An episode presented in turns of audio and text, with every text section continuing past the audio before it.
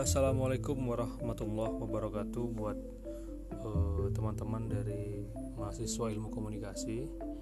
Kalau minggu lalu kita membahas tentang syarat-syarat berlangsungnya interaksi sosial, maka di pertemuan kelas online kita kali ini akan lanjut untuk membahas uh, bentuk-bentuk interaksi sosial.